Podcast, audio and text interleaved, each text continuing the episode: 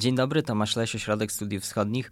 W tym tygodniu, zwłaszcza tutaj na naszym kanale podcastowym, w tygodniu kolejnym e, agresji rosyjskiej na Ukrainę, rozglądamy się trochę dookoła i mówimy o tym, jak różne kraje w regionie zachowują się w tej sytuacji i co nam to mówi o ich przyszłości też i o ich obawach i o tym, jaką, jaką politykę w tym przypadku, w przypadku tego konfliktu te kraje podejmują. Ostatnio rozmawialiśmy o Mołdawii. Dzisiaj za to porozmawiamy o Serbii. Jak reaguje na rosyjską agresję, co sądzą także sami Serbowie na ten temat. A będę o tym rozmawiał z Martą Szpalą, analityczką Ośrodka Studiów Wschodnich. Witam Państwa bardzo serdecznie. Pierwsze opinie e, Serbów i pierwsze ich oświadczenia nie wskazywały i jak rozumiem dalej nie wskazują agresora, tylko mówią o jakichś wydarzeniach na, w Europie Wschodniej. E, to prawda. Serbia jest jednym z takich państw, które od lat prowadziły taką politykę e, balansowania pomiędzy wschodem a zachodem. Formalnie Serbia e, dąży do członkostwa w Unii Europejskiej, ale jednocześnie rozbudowuje bardzo bliskie relacje gospodarcze, polityczne właśnie z Rosją i z Chinami. E, które w, jakby w tym przypadku nie są aż tak istotne. To, co się dzieje teraz na Ukrainie, e, agresja rosyjska na, na, to, na, to, na to państwo jest testem tej polityki e, i stawia Serbię osobi- bardzo w trudnej sytuacji. Tę sytuację komplikuje też to, że w Serbii mamy za miesiąc, właściwie już teraz za kilka tygodni, wybory. 3 kwietnia odbywają się w Serbii wybory prezydenckie, parlamentarne i lokalne. No więc jest to rzeczywiście bardzo trudna sytuacja dla rządzących, które, oprócz, które muszą się odnaleźć w bardzo wciąż nieprzewidywalnej sytuacji przebudowy y, porządku międzynarodowego, y, właśnie testowania sojuszy, czy właśnie tego, jak ta, tej polityki zagranicznej, którą, którą Serbia prowadziła. Jeszcze w takim gorącym okresie przedwyborczym, gdzie mamy do czynienia z, Serbia jest krajem właściwie takim już zmierzającym w, w kierunku autorytaryzmu, gdzie mamy jedną partię, która rządzi od 2012 roku i właściwie jeszcze 3-4 miesiące temu wydawałoby się, że to będzie po prostu kolejny marsz szybki po władzę. E, natomiast ta wojna rzeczywiście te plany przekreśliła i zobaczymy, co się wydarzy. E, więc Serbowie z jednej strony są jakby pod dużym naciskiem Zachodu, no bo właśnie mamy tak, że Serbia jest kandydatem, negocjuje członkostwo w Unii Europejskiej. Jest taką dorozumianą zasadą, że wszystkie państwa kandydujące czy chcące wstąpić do Unii Europejskiej, harmonizują swoją politykę zagraniczną z polityką Unii Europejskiej, czyli między innymi przyłączają się do sankcji. Serbia od lat tego nie robi i żadnych tutaj sankcji, do tych sankcji unijnych z 2014 roku się nie, nie przyłączyła. Teraz też, jak rozumiem. I teraz też się nie przyłącza do tych sankcji, no bo tutaj Serbowie właśnie zawsze e, chcieli mieć ciastko i zjeść ciastko, czy z jednej strony właśnie e, dążyć do Unii Europejskiej, spełniać powiedzmy jakieś tam formalne, techniczne warunki, natomiast niekoniecznie y, jakby rezygnować y, z, z dobrych relacji z Rosją. Natomiast y, no, właśnie tutaj jest jakby pytanie, jakby takie podstawowe pytanie, czym, czym jest Rosja dla Serbii, dla serbskiej elity rządzącej i czemu te bliskie relacje z Rosją, jak one były wykorzystywane i na arenie wewnętrznej, i na arenie zewnętrznej.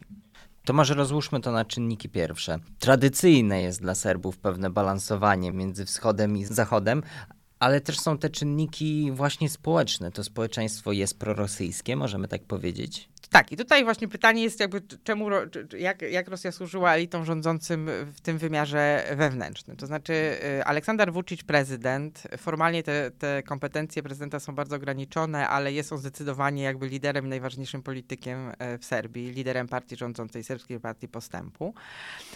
E, I tak jak powiedziałam, e, Serbia oficjalnie, oficjalnie mm, stara się o członkostwo w Unii Europejskiej, prowadzi negocjacje. Natomiast w związku z tym, że te, ta, ta, perspektywa członkostwa w ostatnich latach jakby przestała być wiarygodna, znaczy Serbowie jakby tracili wiarę, że kiedykolwiek wstąpią do Unii Europejskiej. Przez praworządność. Przez, znaczy to bardziej przez taką niechęć Unii Europejskiej do, te, do, do, dalszego, do dalszego rozszerzenia. E, no to jakby władze, władze uznały, że to, co im się bardziej opłaca, to jednak właśnie budowanie takiego systemu y, kontroli społeczeństwa właśnie niedemokratycznego. Mamy tutaj ograniczenie wolności mediów, właściwie wszystkie media drukowane i stacje telewizyjne są prorządowe, one są albo należą do państwa, albo należą do oligarchów, które są blis, bliskie rządowi. Mamy całkowite zawłaszczenie instytucji państwa kontrolę takiej polityki informacyjnej właśnie przez tą, e, dzięki tej kontroli mediów, e, jakby bardzo mocne zwalczanie opozycji. Właściwie nie jest możliwe prowadzenie działalności gospodarczej w Serbii, jeżeli e, nie jest się sojusznikiem, sojusznikiem partii rządzącej. Jest takie budowanie nowej, jakby przychylnej władzy oligarchii, czy, czy właśnie biznesmenów, którzy zarabiają dzięki państwu i też wspierają partię rządzącą różnymi środkami. I z tego względu władza grała na takich antyzachodnich sentymentach społecznych, bo, bo właśnie trochę chodziło o to, żeby społeczeństwo niezbyt naciskało na tą integrację europejską szybką, żeby ten temat właściwie zniknął jako taki postulat społeczny. W związku z tym właśnie e, tutaj Serbia prezentowała się wewnętrznie szczególnie jako taka siła, która jakby z jednej strony prowadzi, ma dobre relacje z Unią Europejską, ale ma też dobre relacje z Chinami, z Rosją. To jest źródło tej siły, siły partii rządzącej, taka polityka właśnie pokazywania Serbii po tych latach upokorzeń, jak to Serbowie odbierają po, po, po wojnach, e, ogłoszeniu niepodległości przez Czarnogórę, przez Kosowo, że właśnie wreszcie mamy takiego lidera, który jest silny, który jak równy z równym rozmawia nie tylko z Unią, ale, ale właśnie z Chinami, z Chinami też i z Rosją. O to chodziło w tych takich pokazywaniu jakby słabości Unii Europejskiej, słabości NATO, przypominaniu o bombardowaniach, do czego pewnie wrócimy, żeby tych nacisków na taką szybką integrację z Unią Europejską nie było. Te prorosyjskie sentymenty, które oczywiście w, rosyjski, w serbskim społeczeństwie występują, to znaczy e, Serbia jako, jako takie społeczeństwo jest postrzegana jako, y, postrzega Rosję jako taki, taką odległego sojusznika, który wspierał Serbię y, w jej dążeniach niepodległościowych jeszcze w XIX wieku. W trudnych czasach. W trudnych czasach. Rosja jest takim patronem narodów słowiańskich, e, które czasami występują, kiedyś występowały przeciwko Imperium, Osmańskiego, e, Imperium Osmańskiemu, teraz występują przeciwko temu złemu Zachodowi, który tutaj coś Serbii próbował, próbował narzucić. Rosja jest traktowana jako, jako właśnie taki bliski sojusznik Serbii. Teraz szczególnie, że to jest istotne, w, w, jeśli chodzi o kwestię właśnie Kosowa i obronę stanowiska, jeśli chodzi o blokowanie e, państwa kosowskiego na arenie międzynarodowej. Tutaj chodzi przede wszystkim o członkostwo w organizacjach międzynarodowych, przede wszystkim w ONZ, którego Kosowo nie jest, nie jest członkiem. Rosja wspierała też Serbię w ostatnich latach w takich działaniach, które miały na celu wycofanie, uznania niepodległości przez Kosowo, przez, prze, prze, przez różne państwa, szczególnie afrykańskie. E, więc Rosja jest tutaj postrzegana jako taki właśnie sojusznik. Często politycy serbscy powtarzają, że Rosja nigdy nie była przeciwko nam, e, nigdy nie wprowadziła wprowadziła sankcji na Serbię w tych trudnych latach 90., co nie jest prawdą bo Rosja wprowadziła sankcje, ale wprowadziła sankcje wobec Jugosławii, bo nie było wtedy państwa serbskiego, więc to nie jest tak, ale jakby w takiej propagandzie i, i to jest bardzo ciekawe, to tak naprawdę gdzieś znika. Znaczy właśnie, właśnie Rosja jest pokazywana jako taki kraj, który jako jedyny stał, stał u boku w Serbii y, w tych trudnych czasach. Jeżeli spojrzymy na to, co Rosja robi, to Rosja zawsze jakby taktycznie wykorzystuje Serbię. Rosja sama wspierała niepodległość Czarnogóry, bo chciała sobie stworzyć własną kolonię nad nad, nad Wybrzeżem Adriatyckim to się nie udało.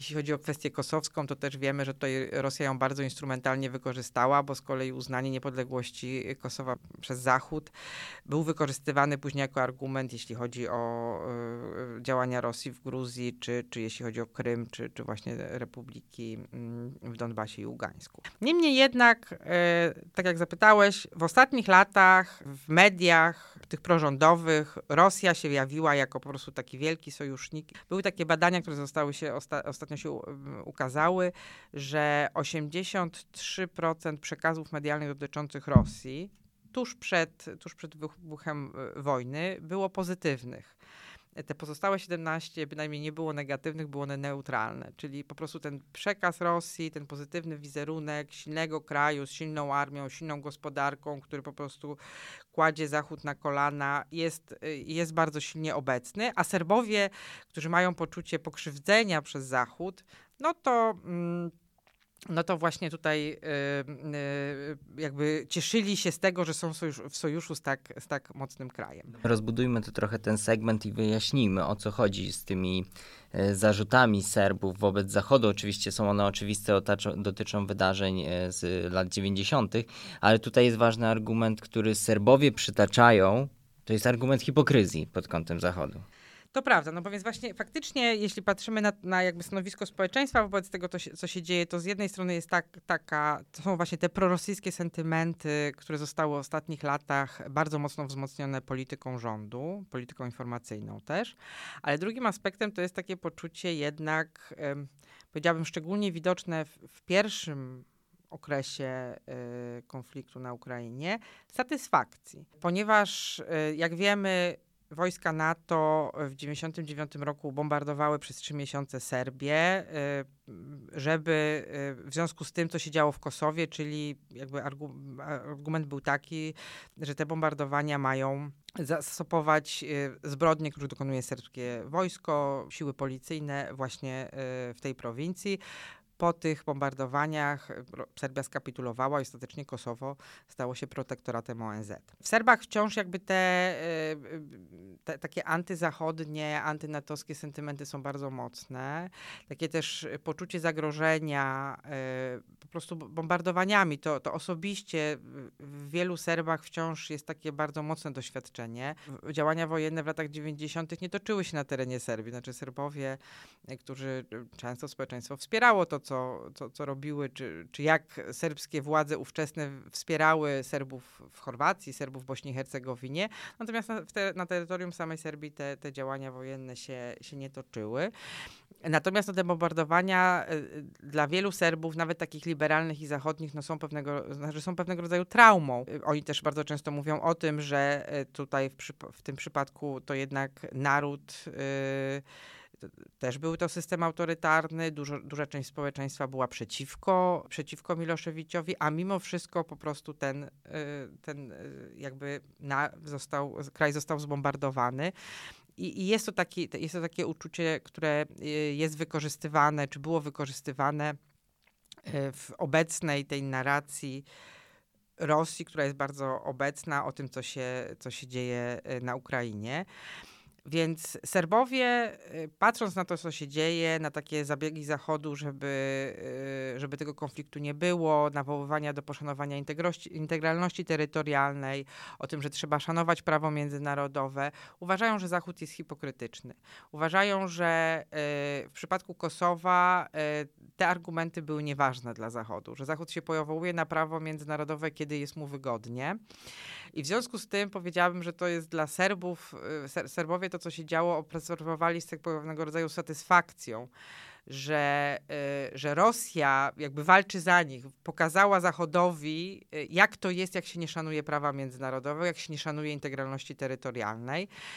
Jakby kwestia ukraińska tutaj schodziła na dalszy plan, bo dla, dla Serbów jest to wojna między Rosją a Zachodem i jakby właśnie Rosja teraz miała się mścić na Zachodzie za to, co się wydarzyło, wydarzyło w Kosowie. I powiedziałabym, że to były takie bardzo, bardzo szeroko, widać było taką, taką satysfakcję. Nawet demonstracje części. poparcia były dla Władimira Putina. E, tak, takie, e, to prawda. To, znaczy, to się, to się też zaczyna zmieniać i trzeba, trzeba zauważyć, że czym dłużej ten konflikt trwa, czym więcej jest ofiar cywilnych, tym, tym jakby do, do samych Serbów dochodzi jakby to, że to jest jakby bardziej skomplikowana, Serb, bardziej skomplikowana sytuacja.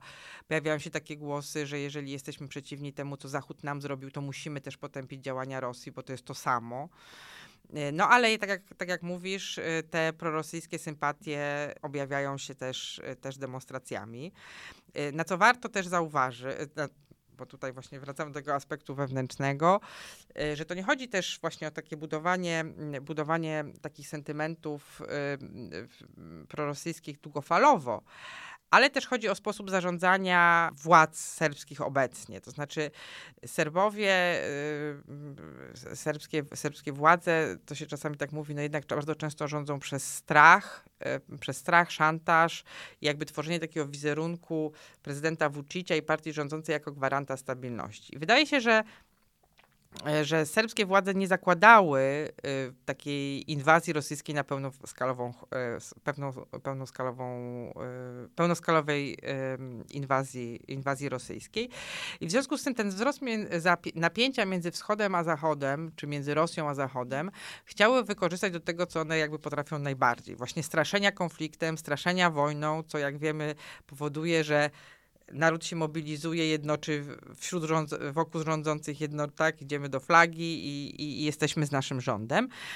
I ta strategia jakby była bardzo, bardzo jasno widoczna, że, że po prostu w mediach mieliśmy taką, taką narrację o tym, co się dzieje na Ukrainie. Z jednej strony bardzo prorosyjską, właśnie taką tutaj Serbowie chyba też jak zresztą dużo, dużo ludzi zakładali, że to będzie szybka rosyjska wojna, oni jakby będą po stronie rosyjskiej, później im Rosja jakoś, jakoś, to, jakoś to wynagrodzi, więc że to będzie właśnie taki szybki konflikt naszego sojusznika, więc tym bardziej wykorzystamy to w kampanii wyborczej. Nie spodziewali się takich ostrych sankcji, a z drugiej strony właśnie chcieli też jakby podsycać te nastroje zagrożenia, zagrożenia ze strony Zachodu, które Mm, e, które też są jakby obecne w serbskim społeczeństwie, no właśnie, żeby, żeby, żeby tym bardziej, tym łatwiej e, wygrać wybory, bo włóczyć tutaj jako taki przywódca, który gwarantuje narodu, narodowi, to jest, powiedziałbym, to jest, to jest paradoksalne, bo ta, ta, narracja serbska jest jednak bardzo taka zbliżona do tej narracji rosyjskiej, tak? Prezydent Vucic też, też się prezentuje jako ten, który gwarantuje mm, narodowi dobrobyt. Faktycznie sytuacja ekonomiczna Serbii jest w ostatnich latach o wiele lepsza. A z drugiej strony, jakby to, jest, to chodzi właśnie o takie, takie budowanie dumy narodowej, tak? Poczucia, że Serbia się liczy, Zachód się z nią liczy, w regionie się liczy, Rosja z nią rozmawia. To były takie dwa elementy i ten konflikt właśnie miał e, też to pokazywać, tak? Że Serbia tutaj po prostu ma dobre relacje z Rosją, Rosja wygrała wojnę, a z drugiej strony po prostu gwarantujemy dobrobyt, bezpieczeństwo, stabilność, e, dostawy Natomiast jakby przebieg kampanii, no jakby te, te, te wszystkie plany, czy, czy tą yy, jakby przekreślił to, co, to, co władza yy, zakładała. Okazało się, że ten konflikt jest realny i teraz władze serbskie, które właśnie dla których ta polityka właśnie balansowania między wschodem a zachodem staje się być coraz bardziej nie, nie, niewygodna, są Mm, są zakładnikiem nastrojów społecznych, prorosyjskich, które same wytworzyły, które same wspierały, tak, że, że tutaj yy, i też pozwolenia na to, że rosyjska propaganda y, jest wszechobecna w serbskich mediach, to znaczy ja, jak oglądam czy czytam serbskie media, e, to, to widzę to czasami jeden do jeden to, co jest po, po, pokaz, mówione też w Moskwie. To znaczy, mamy te wszystkie historie o zbrodniach e, mhm. ukraińskich na rosyjskich cywilach które poprzedzały konflikt, że tutaj właśnie było odcięcie wody mhm. od Krymu, że zakazywano mówienia po rosyjsku, że po prostu Rosjanie tak jak Serbowie, którzy też mają takie marzenia, yy, po prostu chronią własną ludność. Bo Ukraińcy to jest faszystowski, takie, takie, taka narracja się pojawia w oficjalnych dziennikach, yy, że to jest taki właśnie nazistowski reżim, który, e, który terroryzuje swoją własną ukraińską ludność i też ludność rosyjskojęzyczną. I Rosja tutaj jest właśnie tym wybawicielem na białym koniu, który po prostu ratuje Ukrainę przed, przed tym złym rządem, który ją pcha w, jakby w bardzo dziwnym kierunku. I te takie hasła są, są wszechobecne. Mówi się o broni biologicznej, tak, że tutaj y, y, uzasadnia się, czy jakby dużo, dużo, dużo było artykułów, którzy, które jakby tłumaczyły, że po prostu no, Rosja musiała zaatakować Ukrainę, bo jej jakby żywotne bezpieczeństwo było zagrożone, bo Zachód tutaj tworzył bombę biologiczne na Ukrainę, które chciał wysłać. laboratoria. Tak. Tak. I ta, i... Rozumiem, że to też środowiska antyszczepionkowe były aktywne. Yy, tak, no to chyba też jest taki standard we wszystkich krajach europejskich. Tutaj Serbia się nie wyłamuje, że teorie spiskowe dotyczące różnych rzeczy E, jakby bardzo łatwo się w tych środowiskach e, rozprzestrzeniają i w Serbii jest dokładnie tak samo, że te środowiska antyszczepionkowe bardzo mocno wspierają tą właśnie tą, tą narrację o tym, że Tak, najpierw nas chcieli wszystkich zaczipować, Zachód, a teraz, a teraz jeszcze chciał zniszczyć Rosję i, i że to jest też zagrożenie, to jest właśnie to zagrożenie z Zachodu. Tak, no i te, jakby te, te, te teorie są bardzo, bardzo popularne. No i tak jak powiedziałam, Serbowie też jakby sami oni sami też trochę postrzegają e, siebie jako taki właśnie te, te, te, taką małą Rosję, tak? Państwo, które ma duże mniejszości w państwach ościennych, które, które powinno chronić te mniejszości, więc jakby rozumieją tą, mm, e, tą, czy przyjmują tą argumentację, może nie rozumieją, ale przyjmują tą rosyjską argumentację, że Rosja ma prawo bronić swoich obywateli poza granicami swojego kraju mm, i że to się przebija i to jest jakby, to, to, to, że to, to jest to podchwytywane, a jak to się jeszcze nakłada na antyzachodnie sentymenty, to tym bardziej jakby bar, bardzo mocno gra, a rząd to po prostu, po prostu wspierał. I teraz jakby możemy przejść do takiego wymiaru zagranicznego, znaczy mi, międzynarodowego. Pierwsza rzecz tutaj, jeśli chodzi o ten wymiar międzynarodowy, ale jeszcze zanim, e, tylko przypomnę e, podcast, który nagraliśmy, zdaje się, już ponad rok temu o Serbii. On oczywiście jest w innym kontekście, troszkę spokojniejszym, nagrany, ale, ale tam e, Marta Szpala właśnie tłumaczy bardzo, bardzo dobrze, bardzo od podstaw to, jak wygląda system polityczny w Serbii. Tutaj, jeśli chodzi o ogólniki, wiele się nie zmieniło, więc, więc a nawet pewne procesy procesy zostały pogłębione, więc myślę, że jest on cały czas aktualny. Link zostawimy, zostawimy w opisie. No i jeśli chodzi o te relacje międzynarodowe, zaraz zapytam o Kosowo, ale zanim y, chciałem zapytać bezpośrednio o, o Unię Europejską, na to jak Unia reaguje na ten serbski, jak to by powiedzieć, ambiwalencję wobec sankcji albo wprost, no nie wprowadzanie ich. I to też, to też właśnie było tak, że, że Serbii się bardzo to dobrze udawało i w wymiarze wewnętrznym i zagranicznym, jeśli chodzi o takie właśnie balansowanie. Bo tutaj y, Vucic, tak to możemy nazwać grą na wielu fortepianach, też używał w wymiarze zagranicznym tych bliskich relacji z Rosją jako takiego trochę straszaka, yy, straszaka na Unię Europejską z jednej, znaczy, z jednej strony bliskiej relacji Ros z Rosją, a z drugiej strony tych właśnie mm, prorosyjskich sentymentów, które sam, y, sam rząd podsycał, co jest, co, co, jest, co jest ciekawe. Bo y, ta serbska narracja wobec Unii Europejskiej była taka, że, no, że, że, y, że po pierwsze Unia Europejska, Serbia jest kandydatem do Unii Europejskiej, ale tak jak już powiedziałam, ma duże problemy, jeśli chodzi o praworządność. Natomiast Vucic zawsze argumentował, że w stosunku do Zachodu, że jeżeli nie on, że Zachód musi go popierać, bo jeżeli nie on, to do władzy dojdą prawicowe siły, które całkowicie przeorientują politykę zagraniczną Serbii na proza, e, prorosyjską. I taka Serbia rządzona przez właśnie te skrajnie prawicowe, bardzo pra, prawicowe y, ruchy, będzie po prostu też niebezpieczna dla stabilności regionalnej. I to jest taki argument, który Aleksander Vucic od lat y, dość, dość skutecznie kieruje w stosunku do Zachodu, że po prostu oczywiście może nie jestem zbyt demokratyczny, ale musicie mnie zaakceptować, bo jak nie, to, społecz- to, to po prostu tutaj widzicie, jak, jak wygląda scena polityczna w Serbii. Partie opozycyjne są przede wszystkim na prawo ode mnie i to, ben, to będą te partie, które, które y, już jakby nie, będzie, nie będziemy mówili o balansującej Serbii, tylko po prostu o Serbii, która jest e, e, prorosyjska.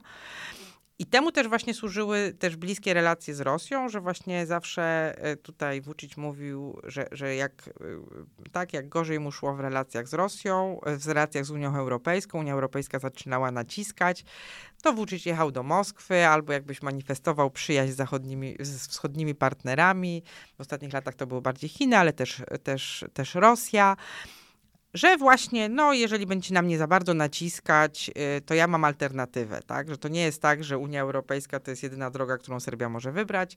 W wymiarze zagranicznym ja też mogę po prostu iść w kierunku, w kierunku, w kierunku y, wschodu i to też właśnie był taki element nacisku na Unię. I to było bardzo, przez lata było bardzo skuteczne. Czy to będzie skuteczne w dłuższej perspektywie? Ciężko powiedzieć, bo wydaje się, że teraz już jakby te, ten czas na takich szarości, ambiwalencji się skończył. To znaczy trzeba się jasno opowiedzieć. Zachód albo zachód, albo wschód. Zrobiła jeden taki gest ym, symboliczny, ale, ale ważny, to znaczy potępiła, poparła rezolucję ONZ potępiającą rosyjską agresję wobec Ukrainy.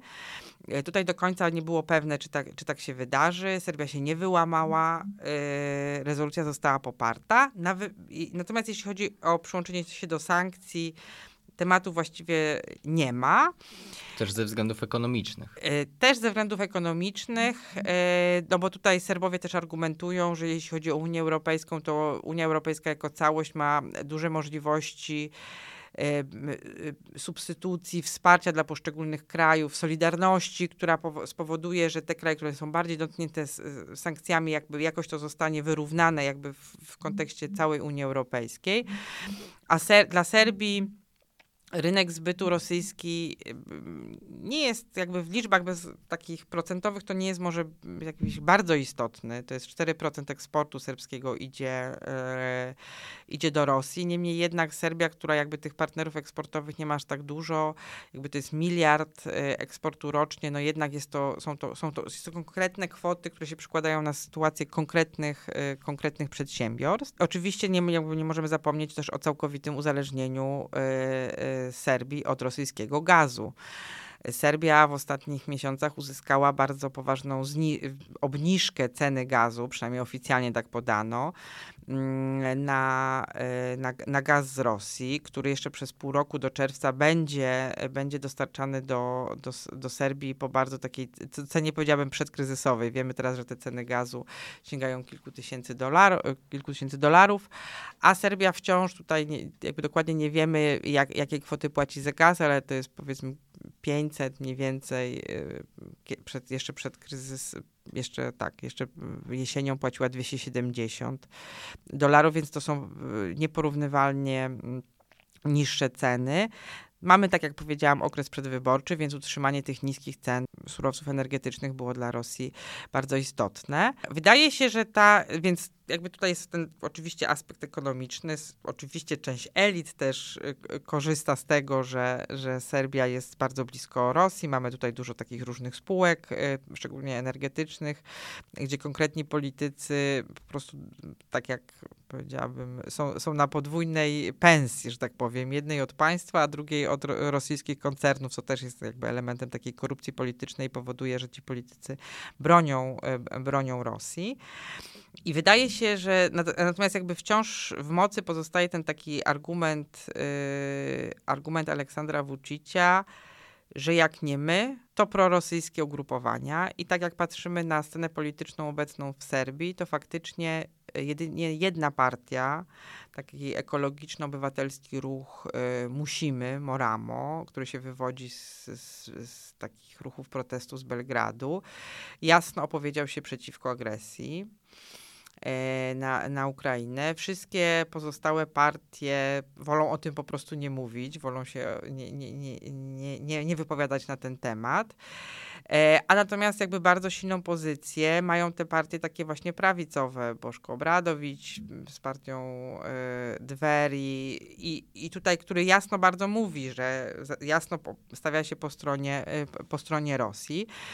I wydaje się, że też y, y, takiemu też straszakowi, straszeniu trochę Zachodu służyła ta trochę ta, ta manifestacja, bo ona była zorganizowana w taki, y, są pewne wątpliwości, czy ona rzeczywiście była spontaniczna, czy nie była jakoś inspirowana przez różne kręgi bliskie rządowi, właśnie po to, żeby, żeby Vucic mógł to pokazać jako argument Zachodowi, że słuchajcie, jak będziecie bardzo na mnie naciskać na sankcje, to społeczeństwo mi się zbuntuje.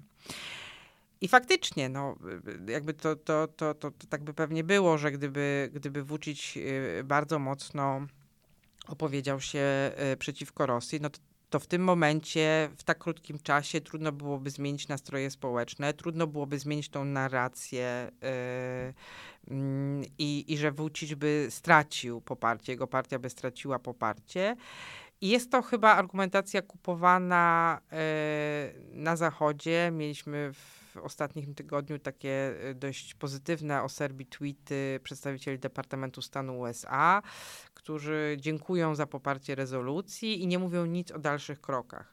To znaczy, że faktycznie ta sprawa, jeżeli jakby bardzo dramatycznie sytuacja na Ukrainie się nie zmieni, to można się spodziewać, że. Mm, że, sam, że, że do wyborów y, na Serbii tych nacisków nie będzie. Pytanie będzie, co, co, będzie, co będzie po wyborach.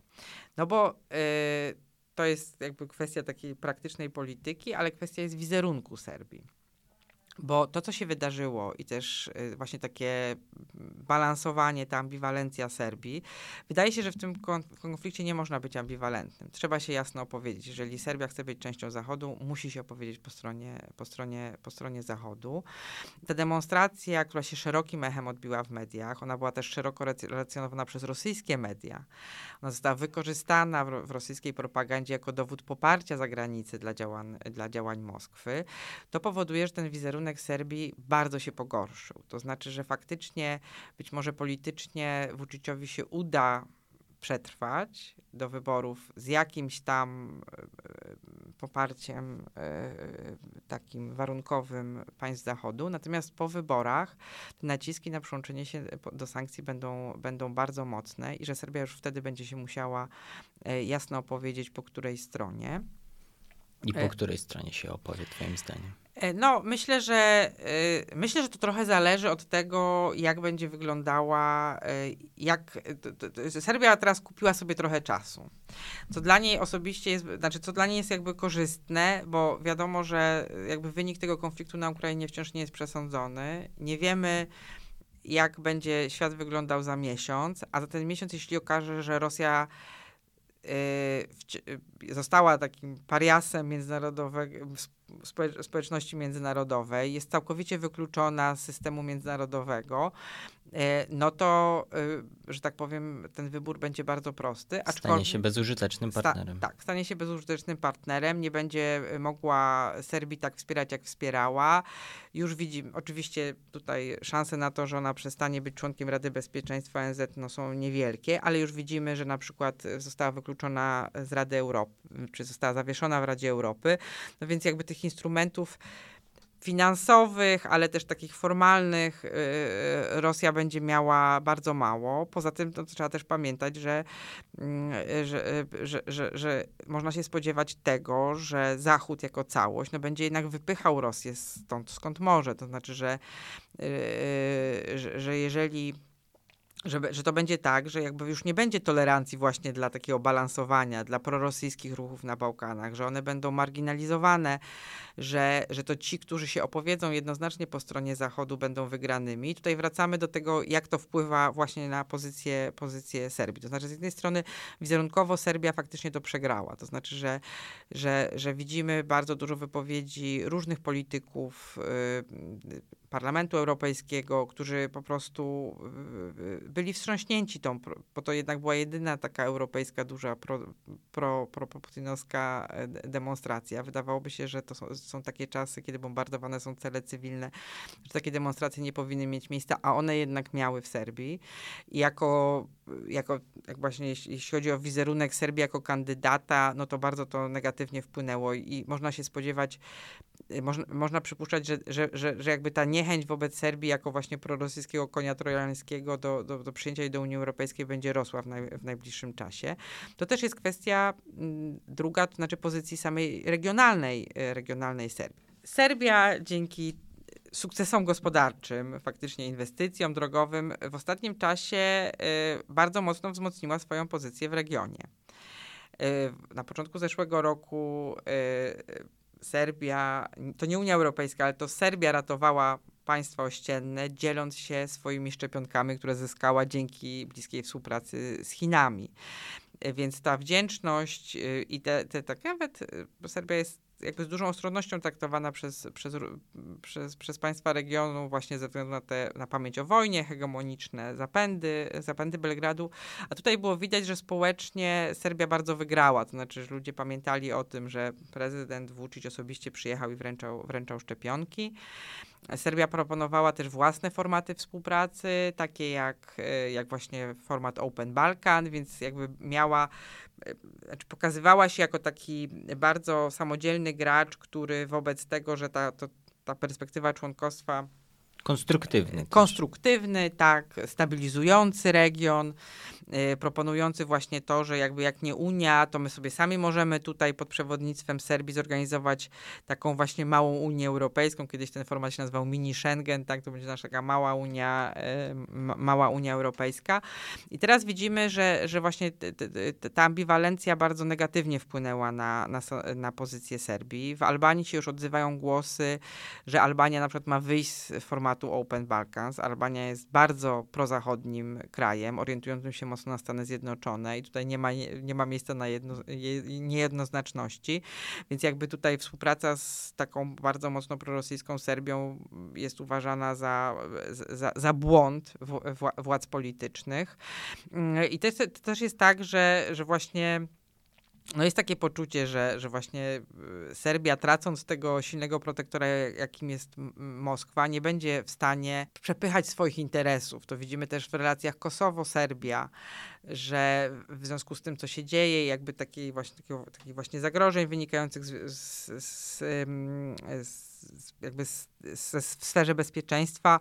Kosowo bardzo jasno się opowiedziało za, e, za Zachodem, mówi, że potrzebuje silniejszej gwarancji bezpieczeństwa, członkostwa w NATO, stałej bazy NATO na swoim terenie, więc widzimy, że, e, że, że jakby tutaj Kosowo chce, chce wykorzystać tą sytuację, złożyło wniosek do Rady, e, Rady Europy, znaczy, że, że po prostu Serbia osamotniona, taka właśnie e, ambiwalentna, powoduje, że te kraje, które bardzo mocno się opowiedziały prze, e, za Zachodem, no jakby zyskują, bo, bo, bo Serbia oczywiście jest zbyt duża, żeby ją ignorować e, i też, żeby też na nią mocno naciskać, no ale na koniec dnia to, to, to Zachód ma po prostu mm, o wiele bardziej wiarygodnych, jednoznacznych partnerów.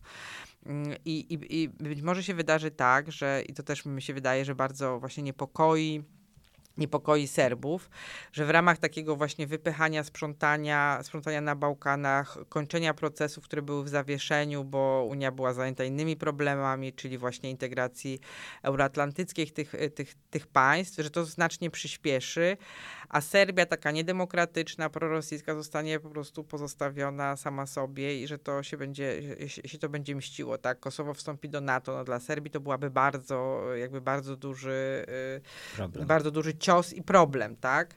I że to też właśnie w tych negocjacjach serbsko-kosowskich to, to w ostatnich latach to Serbia była rozgrywającą, to była, to, to była, była takim partnerem e, postulaty serbskie jakby spotykały się z rozumieniem na Zachodzie. A teraz właśnie przez to sklejenie trochę Serbii i Rosji, y, no, no powoduje, po, po, y, ta, ta polityka jest jakby bardzo podobna, tak, bo Serbia też instrumentalnie wykorzystuje mniejszości swoje, szczególnie w Kosowie, żeby powodować, że y, jakby, żeby sprawiać, że państwo kosowskie jakby jest dysfunkcjonalne.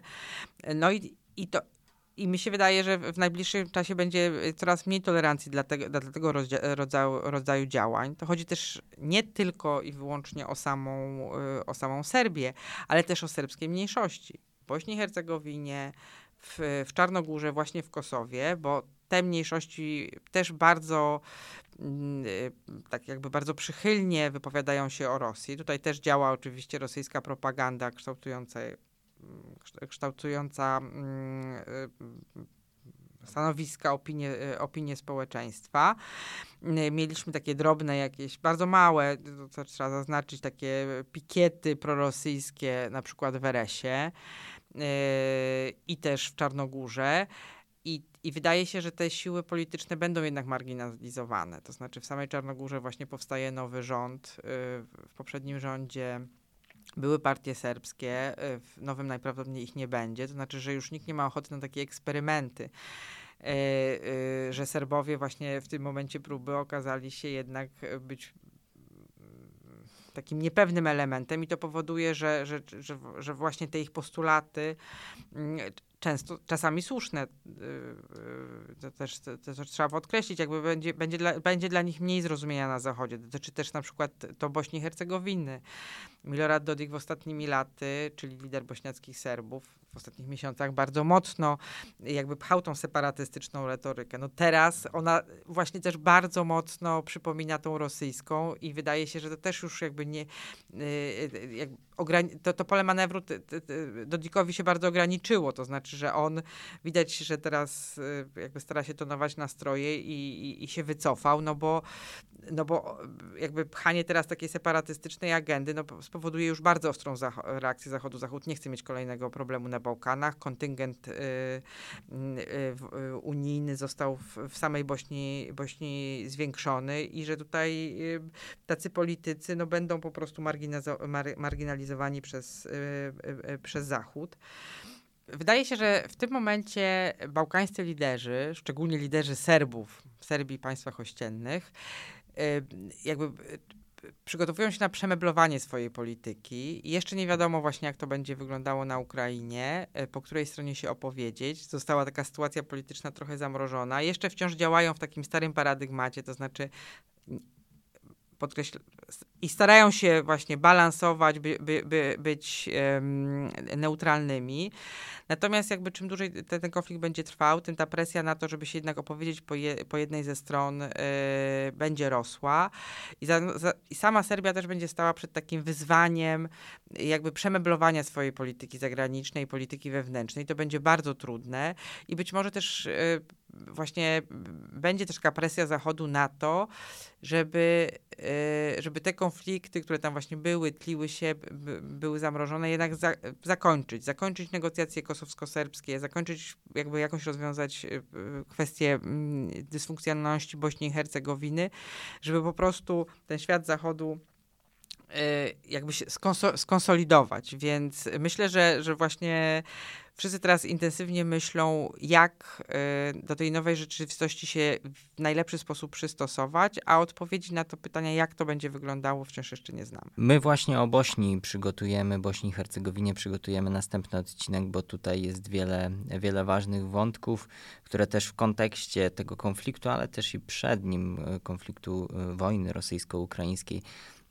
już wcześniej było w Bośni i Hercegowinie tutaj dużo, dużo do opowiedzenia, ale także w kontekście tej wojny trwającej. Niestety również tutaj kilka wątków się pojawiło, więc o tym będziemy rozmawiać w kolejnym odcinku. Tymczasem dziękuję za tę rozmowę. Dziękuję bardzo. Na naszym YouTubie regularnie informujemy o tym, co się dzieje na Ukrainie, ale także, tak jak mówiłem na początku, rozglądamy się dookoła. Jeśli chodzi o YouTube, tam pojawiły się materiały chociażby o Turcji i Izraelu, jak te państwa reagują na wojnę rosyjsko-ukraińską. Tutaj w poprzednim odcinku, jak już wspominałem, rozmawialiśmy chociażby o Mołdawii.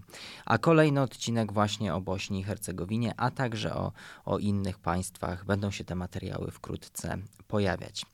Dziękuję za uwagę i do usłyszenia w kolejnych odcinkach podcastu Ośrodka Studiów Wschodnich.